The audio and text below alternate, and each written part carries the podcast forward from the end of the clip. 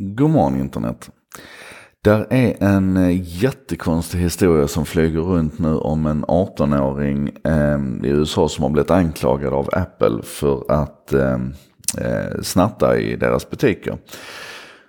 Det finns en del olika förvecklingar i det här men, men kontentan kan man säga att han hävdar att Apple har använt ansiktsigenkänning för att eh, sätta dit honom.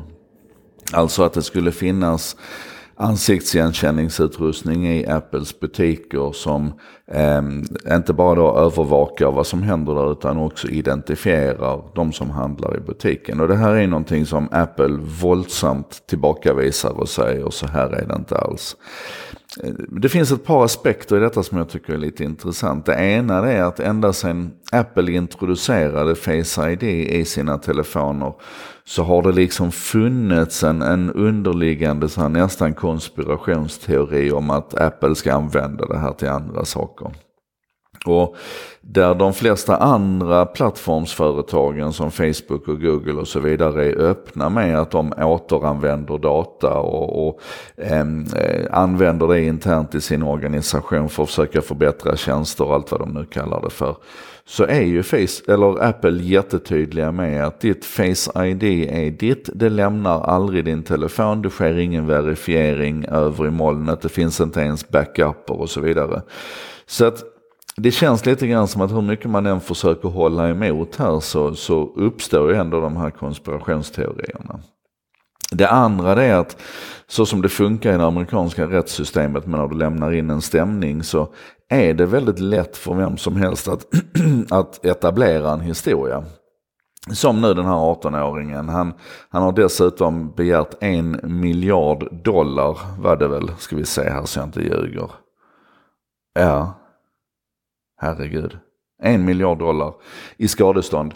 Um, och, och, det gör ju att det här blir ju, det, det, blir ju en stor story. Och jag har väl tittat på, jag tror det är 30-tal artiklar nu om den, här, om den här storyn. Och i ganska många av dem så är rubriken att, att Apple använder ansiktsigenkänning i butikerna. Inte att de är anklagade av en 18-åring för att göra det utan någon som helst bevisföring än så länge. Och definitivt utan att någon, någon, någon domstol liksom har fastslått att det är på det viset. Utan bara genom det faktum att han har lämnat in den här stämningen så blir det en sanning att Apple använder ansiktsigenkänning i butikerna.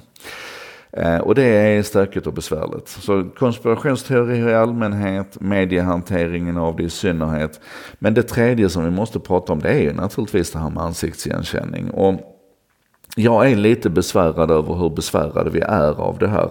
Det är fullständigt självklart att detta är ett jättekraftfullt verktyg som framförallt i händerna på en regim kan bli illa. Eh, jag är, eftersom staten har det våldsmonopolet som, som staten har och eftersom staten, tycker jag vi ser idag, är utsatt för um, Ja men så här, det är som jag brukar säga. Vill vi hellre att Mark Zuckerberg eller Donald Trump kontrollerar Facebook? Ja men det är väl klart att vi hellre vill att, att Zuckerberg kontrollerar Facebook. I synnerhet i ljuset av nyligen att Dorsey, Twitterchefen, tydligen var inkallad till Trump och fick förklara varför Trump hade förlorat så många följare på Twitter på sista tiden.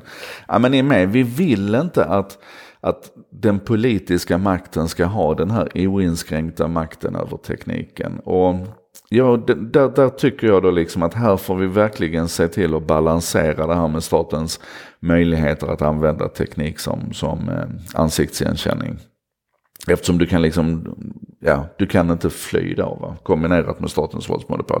Anyway, Däremot när det gäller företag så tycker jag att vi får inte ha för bråttom här nu att försöka lagstifta och reglera och kontrollera. För att vi vet alldeles för lite om vilka positiva effekter vi kan komma att se av det här. Alltså vad kan vi, vad kan vi mer använda ansiktsigenkänningen till när det gäller saker som att detektera sjukdomar eller att att, eh, att använda ansiktsigenkänning och, sentimentanalys och så vidare ute i ett klassrum och försöka se vilka elever som tappar intresset när så att vi kan sätta in särskilt stöd till dem och anpassa utbildningen efter var och en. Och så. Alltså det finns så mycket potential i ansiktsigenkänning så vi måste vara försiktiga här nu så att vi inte jag vet väl att det aldrig har hänt att man har kastat ut babyn med badvattnet, men ni förstår uttrycket. När det gäller ansiktsigenkänning och företag så måste vi vara försiktiga så att vi inte kastar ut babyn med badvattnet.